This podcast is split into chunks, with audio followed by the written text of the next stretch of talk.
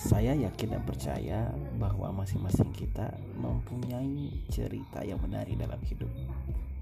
Nah, dalam podcast audio saya ini, saya akan bercerita sendiri atau ditemani dengan beberapa teman lainnya nanti untuk membahas tentang cerita hidup mereka yang menarik. Untuk kita kaji bersama, kita tertawakan bersama dan untuk kita ambil pelajarannya. Selamat menikmati.